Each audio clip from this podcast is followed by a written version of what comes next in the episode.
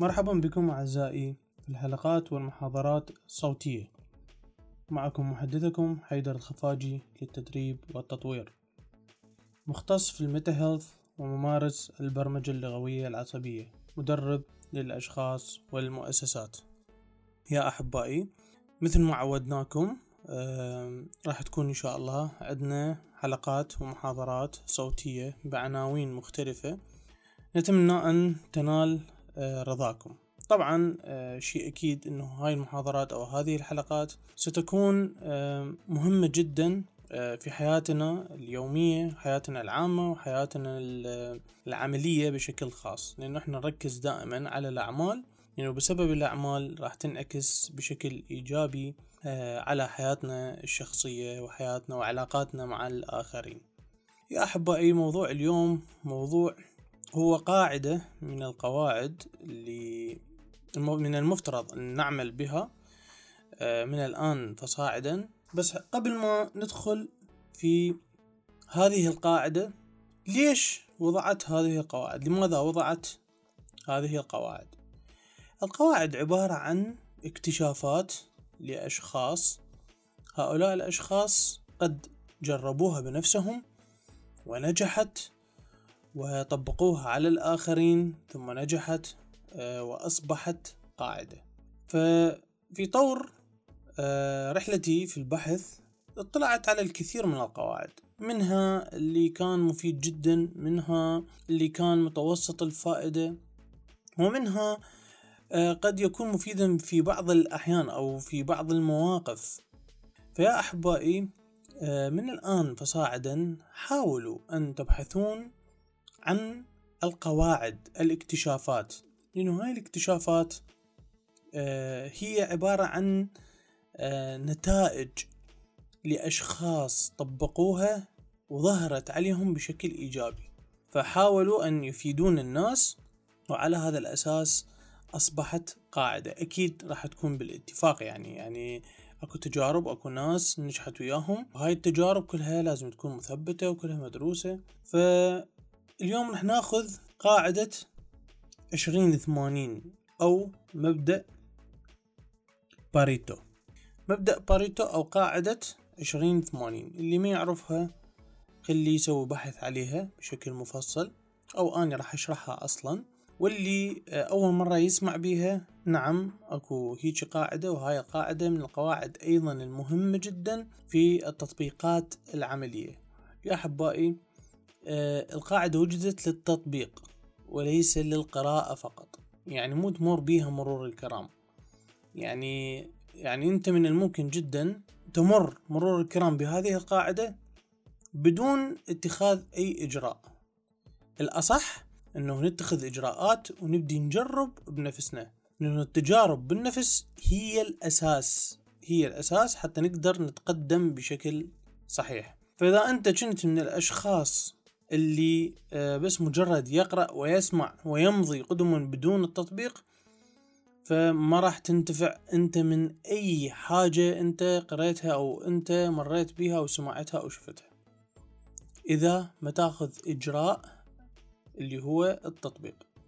القاعدة عشرين ثمانين الفكرة من عندها الأساسية آه، هي يجب علينا أن نكون منتجين بنسبة ثمانين بالمئة ونفكر بنسبة عشرين بالمئة. هاي الطريقة اللي هي الناجحة هي الطريقة الناجحة.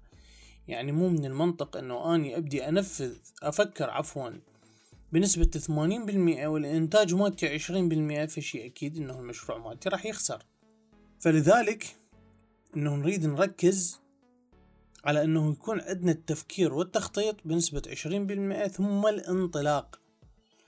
شوفوا واجهت آه، في حياتي يعني اللي ما سامع قصتي يقدر يسمع القصة هي موجودة أيضا على ال social media ويعرف أنه شنو التجارب اللي خضتها وشنو المواقف اللي أنا مريت بيها. آه، أنا متأكد أنه راح تنفعكم. إحدى المرات يعني أنا من النوع اللي دائما آه، أخطط وأفكر وأخذ وقت كبير جدا في التفكير. إلى أن يوم من الأيام آه، جتني كأنما المعلومة أو الفكرة جتني كصاعقة على دماغي. زين أني إلى متى أظل بس أفكر وأنوي وأخطط بدون ما أتحرك خطوة واحدة إلى الأمام؟ أو يعني تحركت أني بس التحرك مالتي عشرين بالمئة يعني كاد أن يكون لا شيء. يعني نسبة التفكير مالتي أصلا تخطت الثمانين. يعني هي القاعدة مو شرط إنه تكون ثمانين عشرين بس الفكرة من عندها اللي نريد نوصل لها إنه أنت النسبة الأكبر هي يجب أن تكون التنفيذ لهذه الأفكار وليس الأفكار. فمن جيت أني وصلت إلى مرحلة آه، من الأفكار والأفكار كلها جيدة وكلها إبداعية بس ماكو تنفيذ. فشنو شنو. يعني ما ال... ال... الربح من هذه الأفكار. ما الفائدة من هذه الأفكار؟ هذه الأفكار كلها عديمة الجدوى بدون اتخاذ أي إجراء. بمجرد أنه أني خليت في بالي هذا الموضوع وتحركت على أساس أنه أني يجب أن يكون التفكير بنسبة 20% والتخطيط بنسبة 20% والتنفيذ بنسبة 80% هنا تغيرت عندي الأحوال. بلش الإنتاج يصير بشكل حقيقي وبشكل ملموس وبلشت تستفيد من هذه الحركات. إحنا قاعدين نحكي على صعيد البزنس بشكل عام. وأني من آه، من بلشت بهذه الفكرة يعني كنت في آه، في شركتي اللي هي آه، مختصة في الحلول البرمجية والتسويقية والإدارية. أما عندما انتقلت إلى عن هي الشركة موجودة بس أني وسعت النطاق وحبيت إنه أدخل وأفيد أكبر عدد ممكن من الناس بهذه المعلومات وبهذه التجارب. فعندما دخلت إلى جانب التدريب أيضا آه انتبهت على هذه المسألة. يعني خلي أكون صريح وياكم. آه وقعدت في مطب نفس الخطأ بس ما طولت بيه لمدة يمكن شهر واحد. شهر واحد وانتبهت إنه أنا اللي يصير عندي هو خاطئ. يعني اني شلون راح أصور؟ شلون راح أوقف قدام الكاميرا؟ وأنا مع العلم معتاد على الوقوف أمام الكاميرا بس مو بشكل كبير. بس شلون راح أصور؟ ولازم تصير هيك ولازم تصير هيك ولازم أخطط الكذا ولازم أسوي كذا ولازم أسوي البرزنتيشن بهذا الشكل ولازم كذا. من جيت بواعد التخطيط مالتي دا ياخذ ثمانين بالمية من الوقت. وعشرين بالمية فقط إنه أنا دا أبدي أجهز لعمليات التصوير. من انتبهت على هذا الأمر؟ مباشرة أوقفت اللي اني بي آه، من التفكير ومن التخطيط وشفت اني شقد واصل بالمية. وانتقلت مباشرة إلى مرحلة التنفيذ فعكست العملية. سويت ثمانين بالمية عبارة من اليوم عبارة عن إنتاج وعشرين بالمية فقط هي للتخطيط. فمباشرة بلشت آه، الأمور تمشي صح والإنتاج آه، بدأ يبصر النور والكثير من عندكم دي يشوف إنه بفترة قصيرة جدا آه، انطلقت الأكاديمية. وبعدها تم تنفيذ التطبيق الخاص بالأكاديمية والموقع الإلكتروني الخاص بالأكاديمية وصورنا قرابة الخمسة إلى ست كورسات آه، إلى الآن. وبالإضافة إلى ذلك بمجرد خططت بنسبة عشرين بالمئة إنه أني لازم أبلش أسجل آه، محاضرات صوتية لكي تكون في متناول الجميع.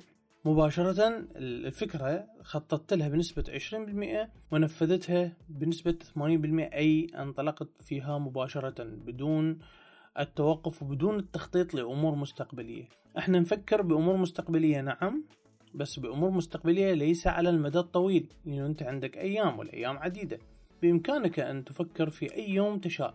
يعني مو شرط أنه أني بيوم واحد أفكر في 2023 و2024 و2025 ونوصل حد ال 2030 إذ بقينا على قيد الحياة. لا من الصحيح أنه ننفذ أو نخطط لمدة شهر.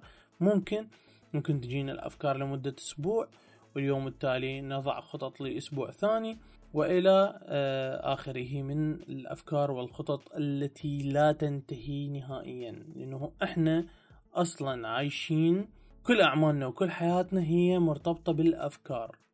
فالأفكار يا أحبائي هي العامل الرئيسي والمحرك الأساسي لنا. فاللي أريده من عندكم تسوون جدول جدول صغير أريدك تكتب بيه شنو الشغلات اللي حاليا اللي أنت قاعد تقضي بيها 80% من وقتها في إضاعة الوقت وفي التفكير. وفي الأمور آه، البعيدة جدا عن العمل. وشنو الشغلات اللي أنت حاليا قاعد تشتغل بيها؟ راح تشوف بنفسك إنه أنت عندك 80% عبارة عن إضاعة للوقت. حتى إن كان آه، إحنا بدنا نحكي في اليوم الواحد. يعني 28 في اليوم الواحد. أكو بعض الناس عندهم آه، إضاعة للوقت عن طريق الخروج مع الأصدقاء آه، قضاء وقت معين في آه، ألعاب الفيديو مثلا في تصفح مواقع الإنترنت مشاهدة الفيديوهات. هنا هذا كله عبارة عن إضاعة للوقت. أما إذا أنت تريد أنه تحقق مبدأ اللي هو 20 80 بشكل صحيح يجب أن يكون يومك بشكل كامل هو أكتف. أن تفعل أن تفعل. مهما كان نوع العمل اللي أنت أتكلم عنه. لا. يعني مو بس أنه خل... هو مو عبارة عن جهد لا هو عبارة عن تنفيذ. يعني أنت جيت آه، بينك وبين نفسك قاعد تخطط. مثلا لمشروع جديد راح تحتاج لوجو راح تحتاج هوية بصرية راح تحتاج كذا راح تحتاج كذا وأنت يوميا تفكر بنفس الموضوع. غير تنطلق غير تنطلق أنت نفذ اللوجو وبعدين تقدر تنفذ الهوية البصرية وبعدين تقدر تسوي الدعاية والإعلان وبعدين تقدر تجهز الأمور مالتك. الموضوع عبارة عن activity أن تكون active فريدك تباوع بالجدول مالتك. شنو الشغلات اللي موجودة حاليا عندك هي مسببة للإضاعة للوقت؟ وشنو الشغلات اللي عندك اللي هي كثير التفكير بيها؟ يعني بينك وبين نفسك تقعد. وشوف شنو الشغلات اللي حاليا قاعد تفكر بيها. وما قاعد تنفذ من عندها سواء عشرين بالمية. أقلب العملية. أقلب العملية من يوم غد مباشرة. أقلب العملية وشوف النتائج راح تكون واضحة جدا وذات فائدة كبيرة جدا. فهذه كانت إحدى القواعد الأساسية حاليا المتبعة في أغلب دول العالم. طبعا هو عالم اقتصاد إيطالي باريتو هو اللي اكتشف هذا هذه القاعدة. وهذه القاعدة هي عبارة عن آه، شلون اكتشفها؟ من بلش يشوف إنه 80% آه، من الممتلكات هي تعود إلى 20% من الناس. فبلش توضح عدة الفكرة وبلشت تربط عدة الأمور. من شاف موضوع الذهب وموضوع النفط وموضوع الكذا دي يشوفها إنه هي راجعة أصلا إلى 20% من الناس أو من الدول.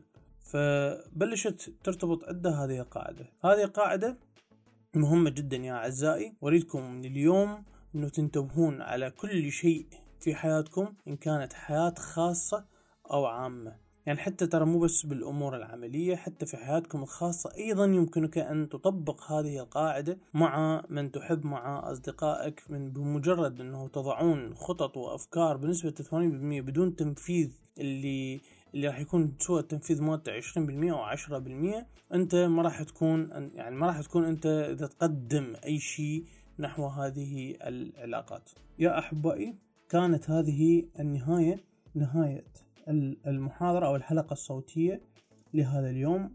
أتمنى آه، كانت مفيدة لكم وسألتقيكم إن شاء الله في حلقات أخرى. تحياتي.